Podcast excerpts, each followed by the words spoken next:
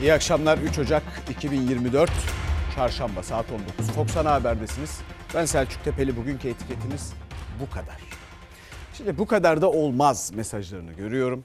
Elbette emeklilerle ilgili açıklanan zam oranları işte oradan vardığımız noktalar bunların hepsi var. Başka çok acayip haberler var fakat Fox Haber bugün torpilin, yargıya müdahalenin belgelerini, görüntülerini aldı. Sakın kaçırmayın. Sakın. Günlerce bu konuşulacak çünkü muhtemelen. Efendim başlıyoruz. Emeklilerimiz. Hep anlatmaya çalıştım. Bu hükümetin anayasayı tanımadığı ortada. Emekliyi tanımadığı da ortada. Şimdi görüyorsunuz. Çalışanı, asgari ücretliyi, işvereni, esnafı tanımadığı ortada. Zam bu kadar. Size hep dedim gönül kaçanı kovalar siyasette de böyle diye. Memur ve memur emeklisine yüzde 49,25. SSK ve Bağkur emeklisine yüzde 37,57 artış. Bugün siz ekmeğe 3 liraya alırsınız, 10 lira maaş alırsınız yetiyordur. Ama 11 lira maaş alıp ekmeğe 5 liraya aldığınız zaman yetmez. Bu enflasyonun size bana öbürüne ayrı bir farklılığı mı var? Sağ olsunlar. Muhtaç ettiler bize her şeye. Kendi kendime şöyle bir hesap yapıyorum. Ne hesabı yapıyorsunuz kendi kendinize? Ben çiftçiyim, köylüyüm, gübrem, mazlum işte onun hesabını yapıyorum. Ne yapacağım? Çok mu borcunuz? Var biraz Ödeyebilecek misin? Nasip.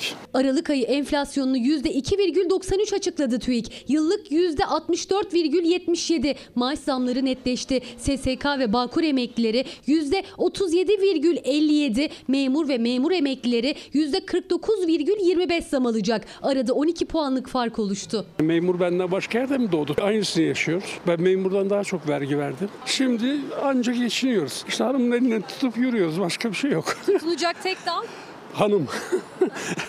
Devlet kalmadı ki. En düşük SSK Bağkur emeklisinin maaşı %37.57 zamlanarak 10.317 liraya yükseldi. En düşük memur emeklisinin maaşı ise toplu sözleşmeden gelen %15'lik farkın da eklenmesiyle 14.739 liraya çıktı. En düşük memur maaşı ise 30.910 lira oldu. Çok kötü rakamlar. Yani en az 50 bandına gelmesi lazım. Kimse bir şey ifade etmeyecek çünkü asgari ücret arttığı andan itibaren her şeye %150 zam yaptılar. 10 liraya aldığımız şeyi 100 liraya alıyoruz. Niye %50 yapılıyor? 50 liradan aşağı meyve yok. Ben öğretmen emeklisiyim. Neredeyse asgari ücretle aynı ücreti alıyorum. Et yiyor musunuz derseniz yiyemiyoruz. Üzerinize elbise alabiliyor musunuz derseniz alamıyoruz. Torunlarımızdan kaçıyoruz. Görmesinler eğer bir şey veremezsek o çocukları üzmeyelim diye. TÜİK enflasyonuyla zam oranları belli oldu ama en düşük SSK emekli maaşına yönelik bir düzenleme olacak mı ya da oranlar artırılacak mı? İktidar sessiz. Emekli maaşının asgari ücret seviyesine çıkarılması talebi var. Memur emeklileri de memurlara verilen 8 bin liralık seyyanen zam mı istiyor? 40 bin liradan aşağı olmamalıydı. Çünkü geçinemiyoruz yani. Ev kiram 16 milyar. 13 bin lira maaş alıyorum. 19 bin lira oldu. Ev kirası zaten 14-15 bin lira. Şimdi gider bir kilo şey alacağım. Biber, yarım kilo da domates, 10-15 gün ondan idare edeceğim. En düşük öğretmen maaşı 34.849 liraya yükseldi. Hemşire maaşı 38.124 liraya. Kamuda çalışan en düşük mühendis maaşı 44.056 lira. Polis maaşı 44.292 lira oldu. Uzman doktor maaşı 82.026 liraya yükseldi. Milletvekili maaşı 85.000 liradan 127.500 liraya çıktı. Emekli milletvekili maaşı 97.500 lira oldu. Hem emekli hem milletvekili olanlarsa 225 bin lira alacaklar. Bu kadar. Öyle bir durumda olmalı ki hükümet gerçekten çaresiz olmalı. Veya gerçekten tümüyle bağ kopmuş olmalı. Memuruyla, çalışanıyla, emeklisiyle. Bunu görün. Bu olmaz. Yani bu kadar diyoruz ama bu olmaz. Bu olmaz ama bunu sizin görmeniz önemli. Şimdi iktidar tarafından bir açıklama yok. Ben duymadım. Eğer beğenselerdi sıraya dizilirlerdi açıklama yapmak için. Birkaç vakte çıkıp bu kendi verdikleri kararla ilgili kendilerine muhalefet etmeye başlarlar. Yetmez filan diye. Bunu da yaparlar. Öyle bir durum var. Bir kıymetli izleyicimiz demiş ki milletvekili maaşları da TÜİK enflasyon rakamlarına göre belirlenmeli. Milletvekillerinin burada yetkisi falan yok. Tamam da bu kararları kim veriyor? Cumhurbaşkanlığı hükümet sistemi bu. Bu kararların tamamı Cumhurbaşkanı Erdoğan tarafından biliniyor ve onun yetkisiyle veriliyor. Yani TÜİK filan TÜİK değil ki ya da e, milletvekili maaşları falan milletvekillerinin ne nasıl bir yetkisi var? Türkiye'de parlamento neredeyse bu sistem içinde etkisiz bir hale getirilmiş durumda neredeyse. Ki zaten orada da iktidarın çoğunluğu var. Cumhur İttifakı'nın. Dolayısıyla bütün bu kararları onlar veriyorlar. Dışarıdaki hayatı da siz biliyorsunuz.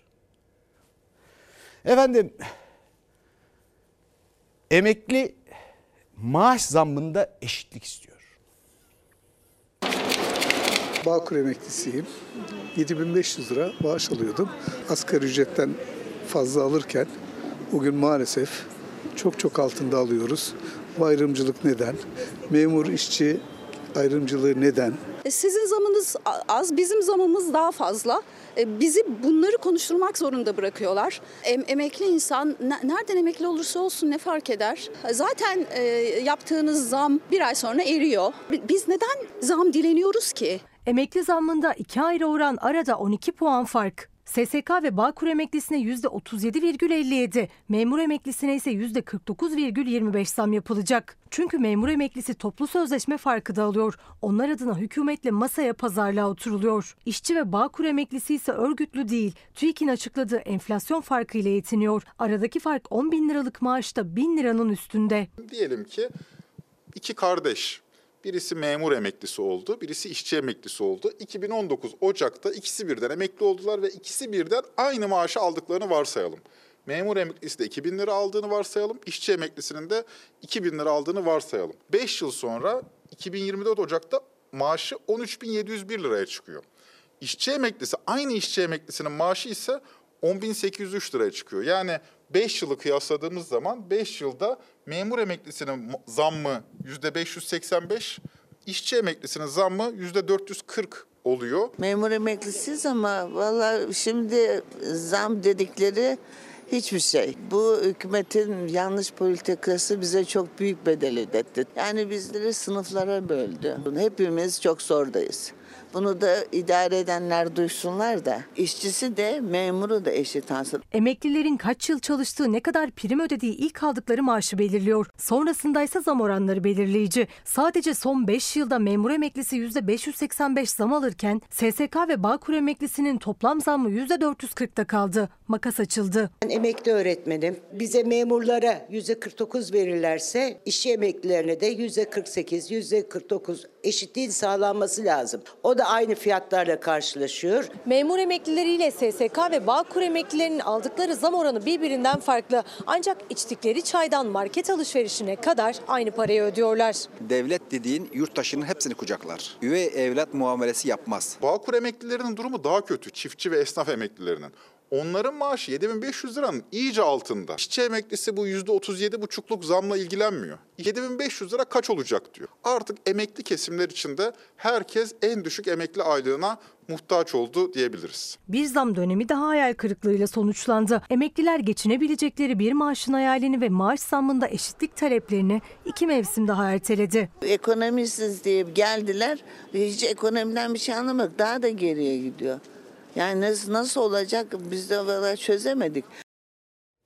Ne güzel konuşuyor değil mi? Bizi sınıflara ayırdılar diye.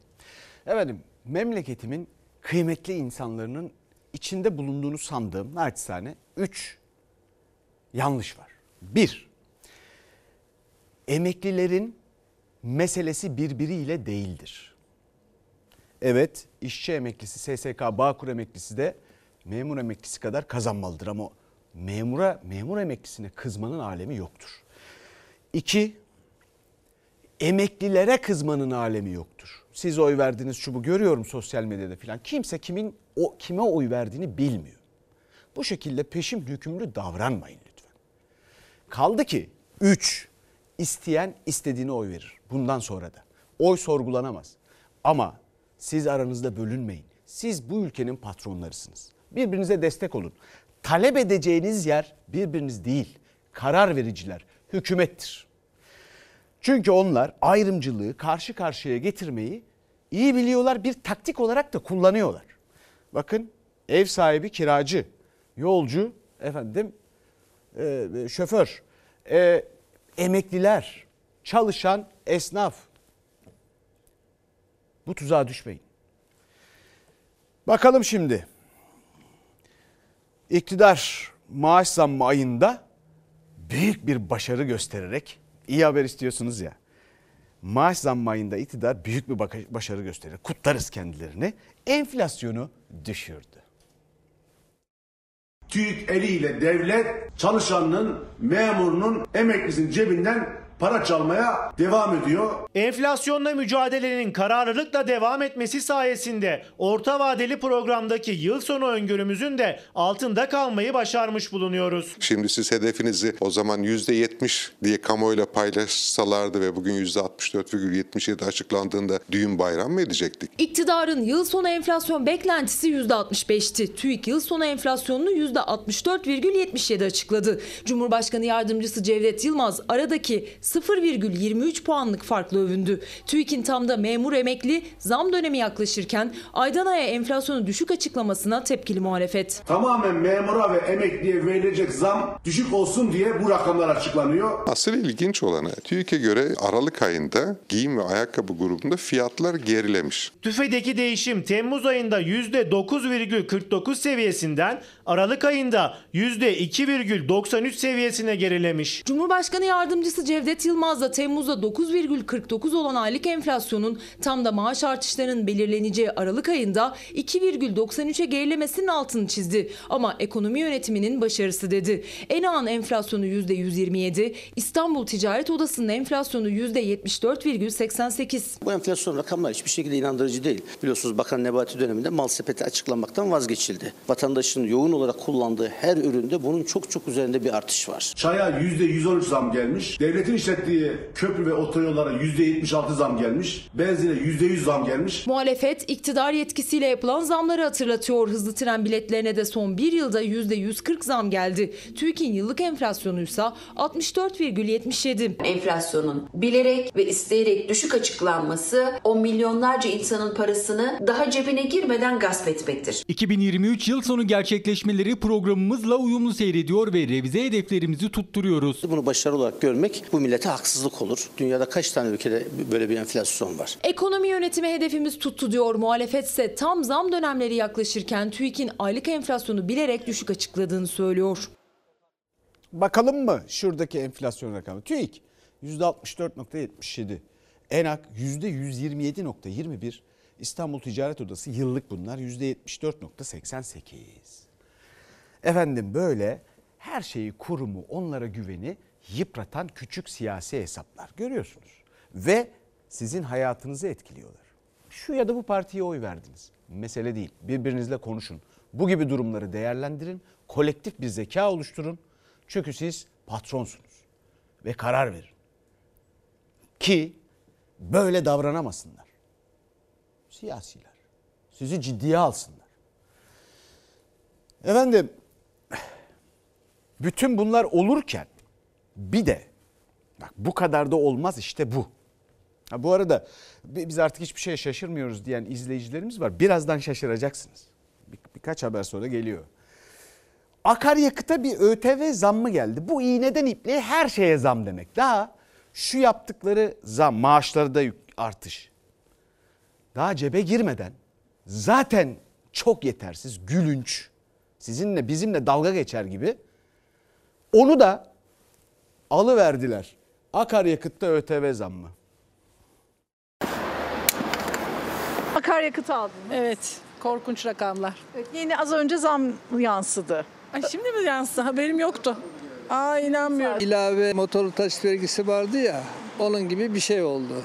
Yılbaşı sürprizi. Her 6 ayda bir gelecek. Oh ne güzel. Sürpriz oldu. Sürücülere bir yeni yıl sürprizi daha. Benzin ve motorinde ÖTV zamlandı. Akaryakıt tabelaları anında değişti. %25,6'lık ÖTV zammıyla benzinde özel tüketim vergisi 7 lira 52 kuruştan 9 lira 44 kuruşa yükseldi. Motorinde ise 7 lira 5 kuruştan 8 lira 85 kuruşa. Litre fiyatı belirlenirken önce ÖTV ekleniyor üstüne KDV. Yani aslında KDV'si de artmış oldu akaryakıtın. İstanbul'da benzinin litresi 36 lira 77 kuruşa, motorinin litresi ise 39 lira 37 kuruşa çıktı. 2 liranın üstünde zam gelmiş oldu. Bu ÖTV olarak mı yansıdı? Akaryakıtın ÖTV'sine Şimdi 6 ayda bir gene olacak mı bu?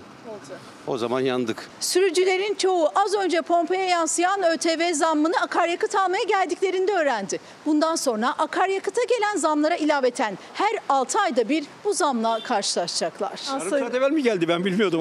Daha evvelden alırdım keşke. Kimi habersizdi, kimi geç kaldı. ÖTV zammından önce akaryakıt istasyonuna yetişemediler. O zaman hiç gerek yok abi. Hiç doldurmaya hiç gerek yok. Bugün de 500 alayım. Bekledim. Akşam dedim belki zam gelir dedim ama öğlende gelmiş zam. Eskiden 500 liraya ben koydum zaman bir hafta geziyordu. Şimdi? Bir Beykoz'a gidip geleceğim. Akaryakıt fiyatlarında artık otomatik ÖTV artışına geçildi. 6 aylık üretici enflasyonuna göre belirleniyor zam oranı. TÜİK %25,6 olarak açıkladığı an tabelalarda da fiyatlar değişti. Gerçek enflasyon mu yoksa TÜİK'in enflasyonu mu? TÜİK verilerine göre. O zaman az zam gelecek. O yüzden şanslıyız. Depoyu dolduramıyoruz. 200 TL aldık. 200 Yani, liralık. e, bu da buradan şimdi Cerrahpaşa Hastanesi'ne gideceğim. Zaten rahatsızım. Tek böbreğim alındı. Onkoloji hastasıyım. Girelim. Araba sizin için temel ihtiyaç. E, muhakkak kesinlikle. Otomobil temel ihtiyaç artık ama özel tüketim vergisi yükseldikçe yükseliyor. Benzinli bir aracın deposu 2000 liraya doluyor artık. Bunun 520 lirası ÖTV yani çeyreğinden fazlası. Yalnız 200 liralık aldım. 100 lira param kaldı. Kaç litre yapıyor? 5 litre mi? Ha, al işte Ne gör. kadar yetecek o? Ne kadar yeterse yetecek işte. Ne yapayım? Servis araçları var. Tabii ki ben öğretmenim. Servis araçlarına, e, toplu taşıma araçlarına bunlara yansıyacak. E, tabii ki dolayısıyla ailelere sirayet edecek. İğneden ipliğe yansıyacak akaryakıta yapılan ÖTV zammı. Aynı oranda zam alkollü içeceklerin ÖTV'sine de geldi. Vergide zam yağmuru bunlarla da sınırlı kalmadı. 1999 depreminden sonra alınmaya başlanan özel iletişim vergisi de %53,8 arttı. Maaş zamları cebe girmeden vergi zamları peş peşe geldi. Asgari ücrete zam gelmeden, tam olarak uygulanmadan hemen zam uygulandı. Doğru bulmuyorum. Geceyi bekleyemediler be. Geceyi bekleyemediler. Mehmet Şimşek, Hazine ve Maliye Bakanı hedeflerimize ulaşıyoruz demiş. Biraz daha uğraşırsanız ulaşacaksınız. Herkes anlıyor yani. Özel tüketim vergisi nedir? Ne demek özel tüketim vergisi? Ömür tüketim vergisi olabilir mi o? İğneden ipliğe her şeye zam geldi şimdi. Geldi. Bunu yaptıkları andan itibaren. Sonra da emeklimizi ezdirmedik. Çalışanımızı ezdirmedik. Efendim. Adalet Bakan Yardımcısı Ramazan Can. Hatırlıyorsunuz. Dün bir açıklama yapmıştı. Türkiye İslam ülkesidir demişti. Sonra siyasi polemikler başladı. Bugün Yargıtay binasında Adalet Akademisi programındaydı kendisi. Hiç sesi duyulmadı. Çünkü çok meşguldü. Çok meşguldü. Neden? Çünkü bakanlığın görevde yükselme mülakatına girecek. Mülakat hani kaldıracaklardı Cumhurbaşkanı Erdoğan söylemişti. Kaldırmadıkları gibi. Görevde yükselme mülakatına girecek bazı personele torpil yapmakla meşguldü. Yükselme hikayesinin altını dün çizdiğimi hatırlıyorsunuz. Onun derdi yükselmek veya birilerini yükseltmek. Kime göre, neye göre? Skandalın belgisi torpile suçüstü. Sayın Adalet Bakanı Adalet Akademisi'nde sosyal hizmet uzmanı olarak görev yapıyorum. Görevde yükselme sınavına girdiğimi söylemiştim. Bilgilerimi atmamı istemiştiniz. İletiyorum saygılarımla.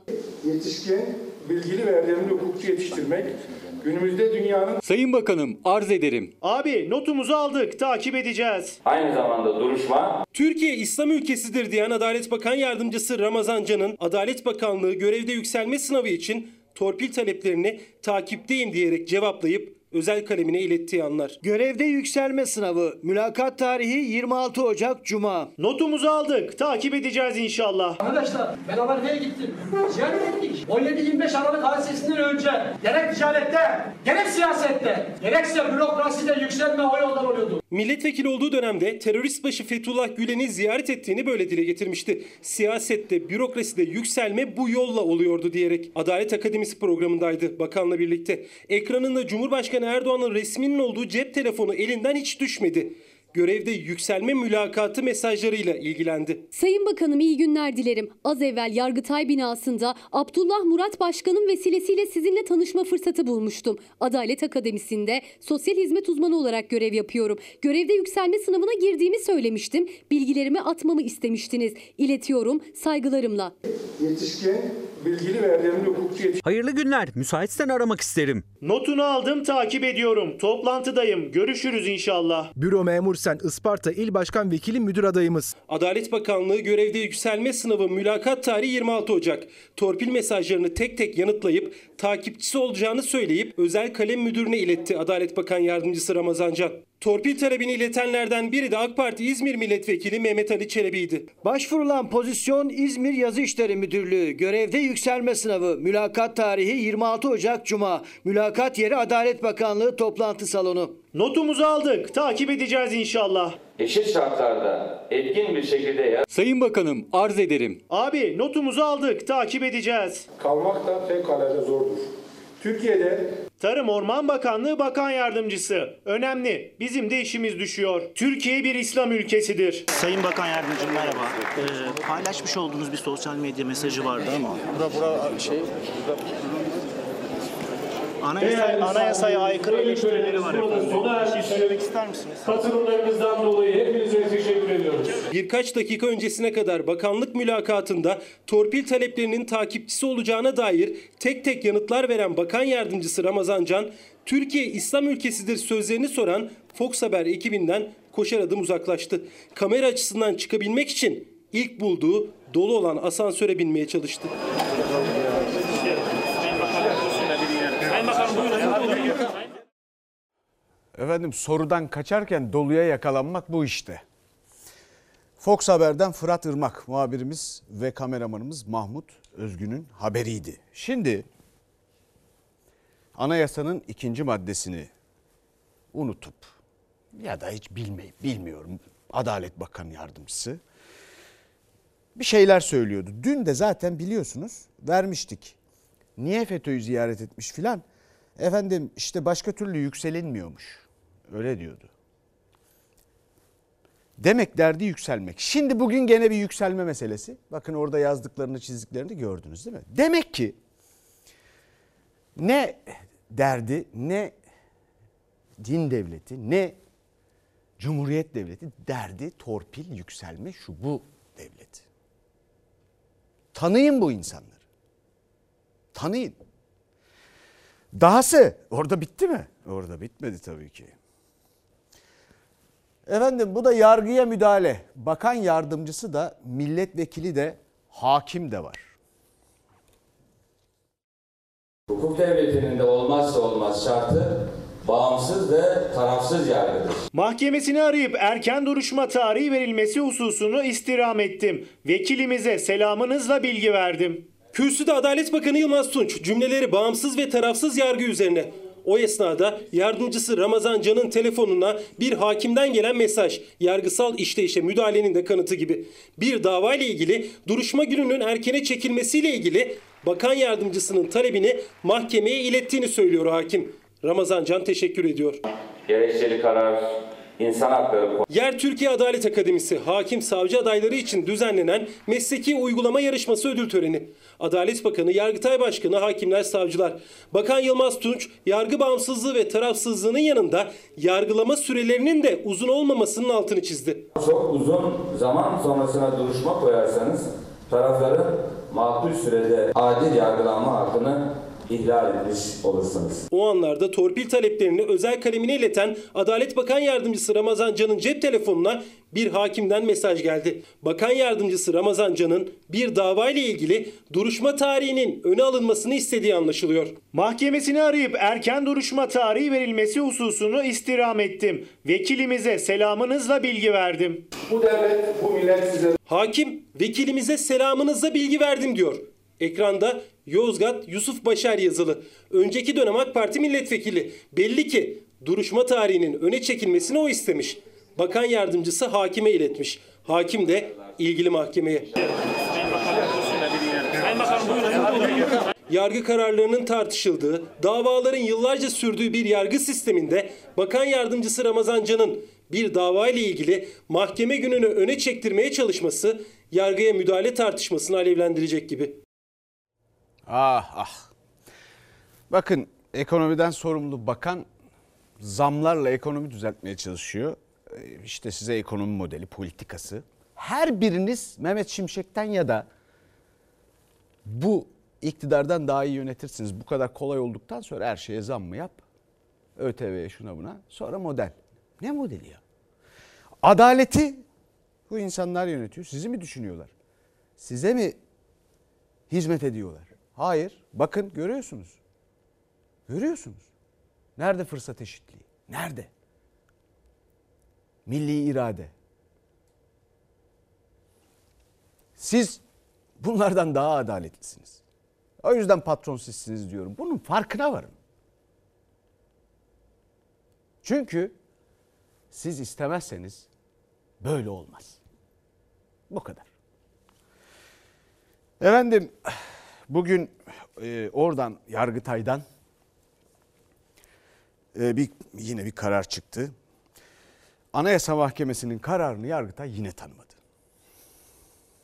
Bakalım yine top gibi anayasayla, bu ülkenin kanunlarıyla oynamaya devam mı edecekler? Yoksa yapılması gerekeni yapıp serbest mi bırakılacaklar? Anayasa Mahkemesi'nin Şerafettin Can Atalay'ın bireysel başvuruları hakkında hak ihlali kararlarına hukuki değer ve geçerlilik izafe edilemeyeceği, Anayasa Mahkemesi'nin anılan kararlarına uyulmasına yer olmadığına, Anayasa Mahkemesi'nin tutuklu milletvekili Can Atalay ile ilgili ikinci hak ihlali kararına Yargıtay 3. Ceza Dairesi ikinci kez uymadı. Yargıtay 3. Ceza Dairesi'nin Hatay Milletvekili Can Atalay hakkındaki kararı anayasayı değiştirecek çoğunluğu sandıkla sağlayamayan saray rejiminin anayasayı fiilen ortadan kaldırdığının ilanıdır. Bu bir yargı kararı değildir, darbedir. Bu mahkeme hakkında derhal soruşturma açılmalı.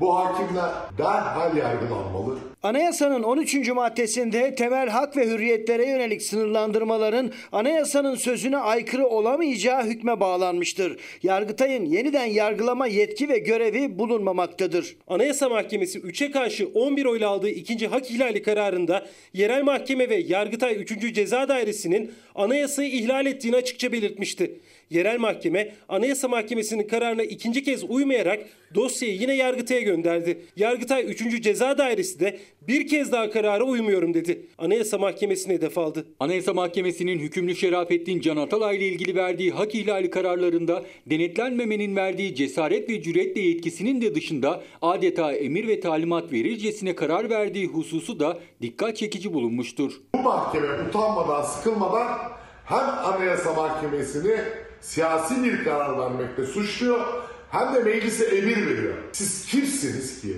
şu parlamentoya ayar ve emir vereceksiniz? Yargıtay 3. Ceza Dairesi'nin Anayasa Mahkemesi kararına ikinci kez uymaması, Atalay'ın vekilliğinin düşürülmesi için meclise çağrısı. Yargı krizi derinleşiyor.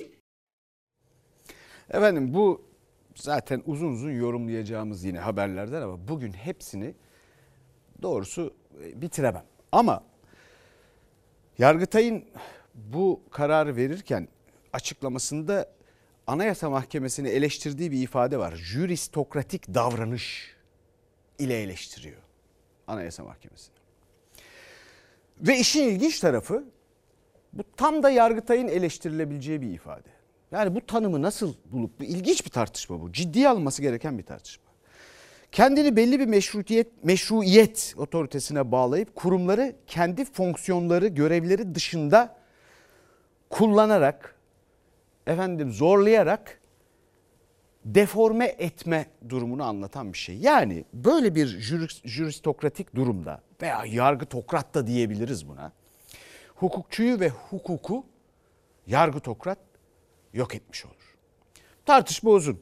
Bakarız. Yalnız jüristokrasi ile ilgili bu eleştirinin karşısında ben de şöyle diyebilirim. Bu ciddi bir eleştiri. Tartışılması lazım ama 400 sene evveline gidiyor olabiliriz böyle 400 sene evveline. Nereye? Meşruiyet otoritesi kaynağına bakarak ultramontanizme 400 sene evveline. Bunu da iyi düşünsün. Yargı mensuplarımız. Şimdi gelelim. Efendim Kuzey Kıbrıs Türk Cumhuriyeti'nden aileler adaletin peşini bırakmıyor.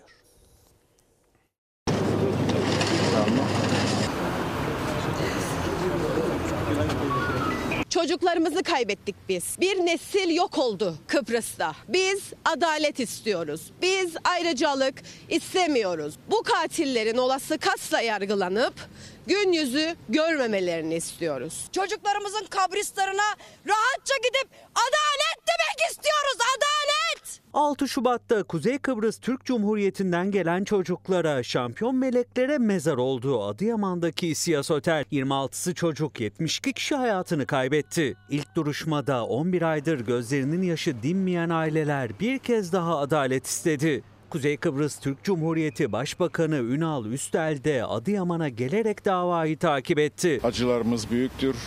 Acılarımızı paylaşıyoruz ve bugün inanıyorum ki ve dava sonuçlanana kadar biz Adıyaman'da kalacağız. Dolayısıyla adaletin tecelli edeceğinin en iyi, en iyi şekilde inancım e, tamdır. Adıyaman'da 72 kişiye mezar olan İSİAS Otel'in duruşması için aileler Kuzey Kıbrıs Türk Cumhuriyeti'nden geldi. 26 çocuğun ailesi şu anda Adalet Sarayı'na giriş yapıyor. Şampiyonlar ölmez.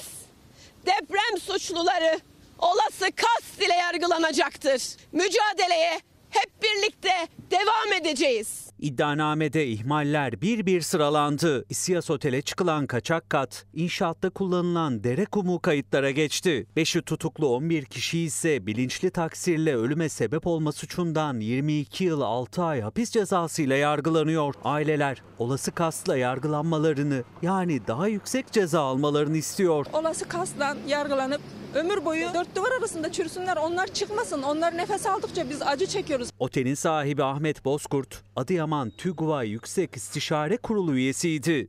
Yöneticilerden oğlu Mehmet Fatih Bozkurt, eski AK Parti Adıyaman Belediye Meclisi üyesi. Diğer oğlu Efe Bozkurt da yine bir dönem AK Parti Gençlik Kolları Ekonomi ve Mali İşler Komisyonu üyesiydi. Üçü de tutuklu yargılanıyor. Ahmet Bozkurt duruşmada sorumlu benim dedi ama büyük yıkımı ihmallere değil depremin büyüklüğüne bağladı. Bütün sorumlu benim. Mimarlarım, mühendislerim doğru olanı yaptı. Ben de en doğru şekilde yaptım ama asrın felaketi yaşandı. 850 bin bina nasıl yıkıldıysa benim otelim de o şekilde yıkıldı. Kuzey Kıbrıs Türk Cumhuriyeti'nin acılı aileleri adaletin peşini bırakmıyor. Otele ruhsat veren belediyeden yapıyı denetlenmeyenlere tüm sorumluların yargılanmasını istiyorlar. Belediye çalışanlarından bu otelin yapımına izin verenin imza atan herkes sorumludur, cezasını alacaktır. 50 binden fazla canımız gitti. Bakın bu Kuzey Kıbrıslı aileler hesap sorma, sorgulama konusunda patron sizsiniz diyorum ya. Bakın o konuda ibretlik, emsal olacak nitelikte bir mücadele veriyorlar. Takip edin. 17 yaşındaki kızı silahla vurdu, kaçtı. Senin mi kafana sıkayım, senin mi kafana sıkayım falan gibisinden böyle bir şey yapıyorlar. Adalete sesleniyorum. Bırakmasınlar ne olursunuz. Hastanenin kapısında 17 yaşındaki kızından gelecek güzel bir haber bekliyor Bülent Özgener. Kızı Melek Nur, yılbaşı gecesi bir erkek tarafından başından vuruldu. Şu anda durumu kötü. Biz de sabırla bekliyoruz. Ne yapalım elimizden bir şey gelmiyor. Her şey Allah'tan. Yılbaşı akşamı İstanbul Fatih'te 17 yaşındaki Melek Nur Ö, arkadaşı Nisa A ve Ercan D buluştu. Sosyal medyada sık sık silahlı fotoğrafını paylaşan Ercan D'nin aracındayken üçlü arasında tartışma çıktı. İddiaya göre önce hanginizi vurayım diye bağıran Ercan D silahını ateşledi. Arka koltukta oturan Melek Nur'u boynundan vurdu. Şu anda peşlerindeler.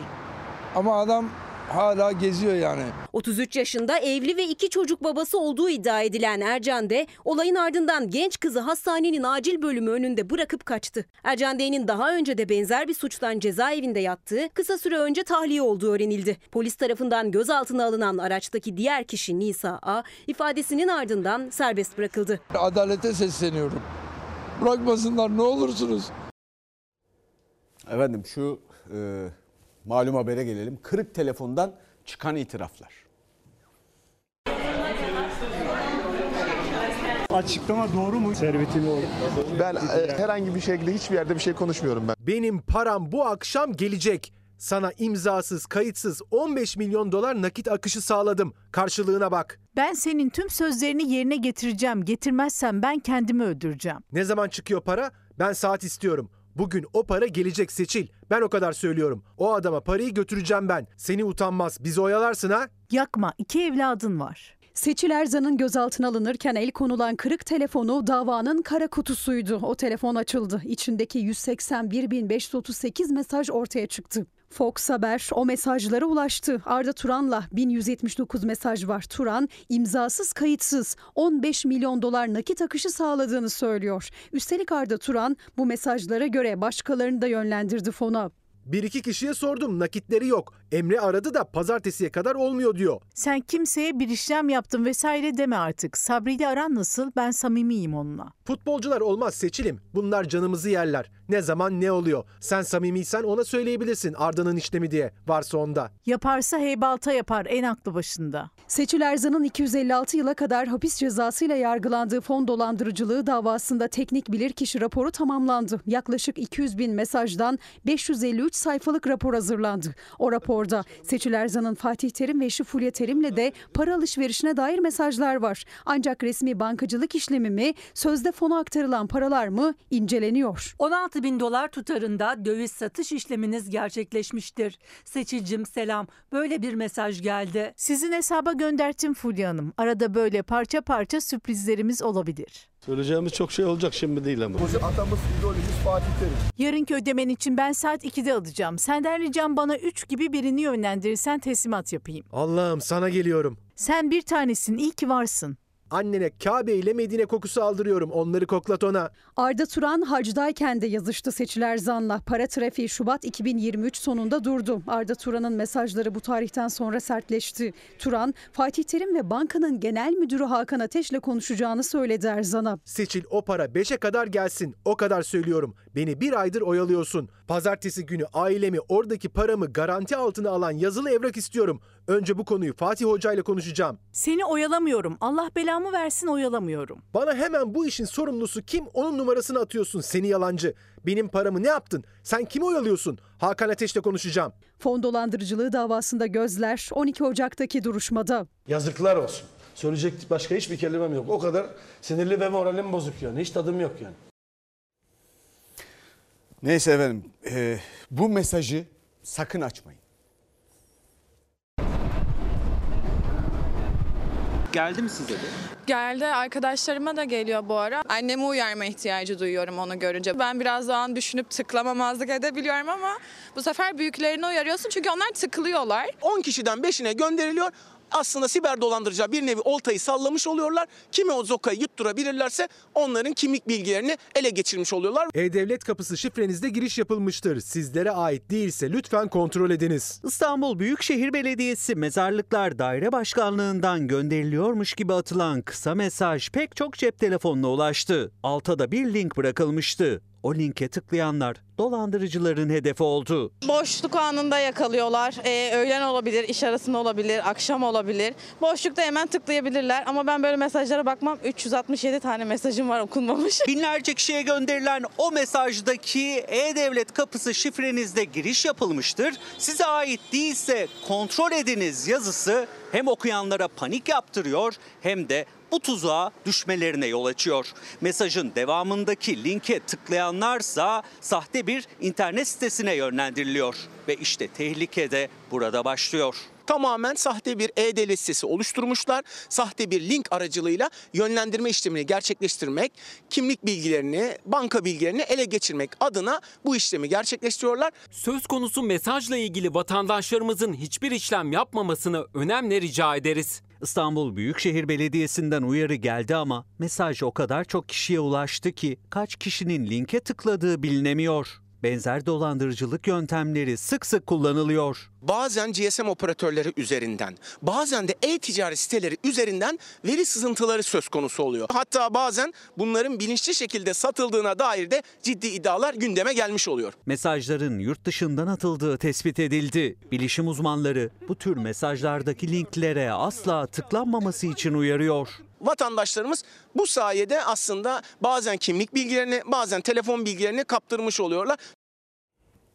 Şimdi efendim buyurun vize randevuları kara borsada. Sistem çökmüş, kara borsaya düşmüş. İllegal yollarla vize randevuları satılıyor. Erasmus için ben başvurdum. Polonya'ya e, randevu bakıyordum. Randevu bulmakta büyük sıkıntı yaşadık. Çünkü e, istediğimiz tarihlere hiçbir zaman randevu bulamadık. Vize randevusu almak neredeyse imkansız çünkü randevular kara borsaya düştü. İddiaya göre bazı firmalar aylar öncesinden randevuları kapatıyor, sonra da fahiş fiyata satıyor. Randevuyu satıyorlar bildiğiniz. Aylar öncesinden bot hesaplarla acentalar alıyorlar ve satıyorlar. Bu bot hesaplar o kadar hızlı ki bir insan onunla yarışması imkansız. Eğer olur da bir kota açılırsa anında hepsini topluyorlar. 600-800 liraya satıp haraç alıyorlar insanlardan. Bunun adı VIP randevu olmuş, legalleştirmişler. Bot hesaplarla toplanan randevular 800 euroyu bulan fiyatlara satılıyor. Örneğin Polonya için vize ücreti 100 euroyu bulmuyor. Yani 3200 lira civarında. Bunun 10 katına yakınını 26 bin lira istiyorlar randevu satanlar. Özellikle Erasmus öğrencileri büyük sıkıntı yaşıyorlar. Gitmeleri gereken tarih belli, tüm evrakları hazır. Hatta uçak biletlerini bile almış olsalar dahi sırf vize başvuru merkezlerinden randevu bulamadıkları için gidemiyorlar. Çünkü e, konsoloslukta da çok fazla bir yığılma var. Yani benim bir iki hafta içinde bu evrakları teslim etmem lazım ki ancak yani ucu ucuna belki yetişecek. Nihal İpek'in üniversite 2. sınıf öğrencisi oğlu Uluslararası Öğrenci Değişim Programı Erasmus'la Polonya'ya gitmeye hak kazandı. 22 Şubat tarihine uçak bileti alındı. Ancak 3 haftadır gece gündüz demeden vize randevusu bulmaya çalışıyorlar. Okuldan kabul almış, yurdu çıkmış. Ben uçak biletlerini almışım firmanın web sitesinde. Dakika başı girmeme rağmen hiçbir şekilde vize randevusu bulamıyorum. Marmara Üniversitesi Siyaset Bilimi son sınıf öğrencisi Zeynep Kozak da Erasmus'la Polonya'ya gidecek. O da randevu alamıyor. Bayağı zorlu bir süreç. Yani kaç kere girdim herhalde bir 100 kere falan girmişimdir siteye abartısız. Sonuçta eğitim amaçlı. Hiç olmazsa e, bu mağduriyeti yaşamasınlar. Eğitimlerine devam edebilsinler. Vize randevusu alamadığı için çok sayıda kişi mağdur. Müzisyen Anıl Ünlü de Avrupa Birliği Gönüllülük Projesi kapsamında Almanya'ya gidecekti. Ancak vize randevusu alamadığı için projeyi kaçırdı. Almanya için bir 5-6 ay sürdü randevu almam. Avrupa Birliği Gönüllülük Projesi'ydi. Randevu 6 ay sürdüğü için gidememiştim. Tarihi yetişmediği için zaten proje başkasıyla devam ediyor. Avrupa Birliği Türkiye delegasyonuna duyurulur. Ülke ülke uğraştırtmayın bizi. Efendim Japonya'ya gidelim şimdi. Kurallara uydular, hayatta kaldılar.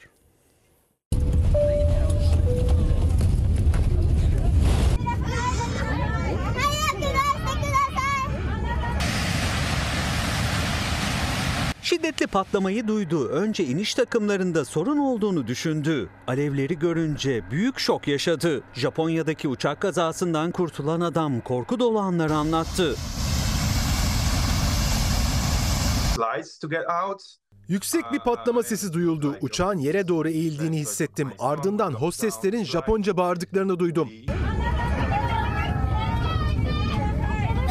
Dünya Japonya'da iki uçağın piste çarpıştığı kazayı konuşuyor. Herkesin merak ettiği konu aynı. Nasıl oldu da 379 kişi uçağı 90 saniyede terk etmeyi başardı?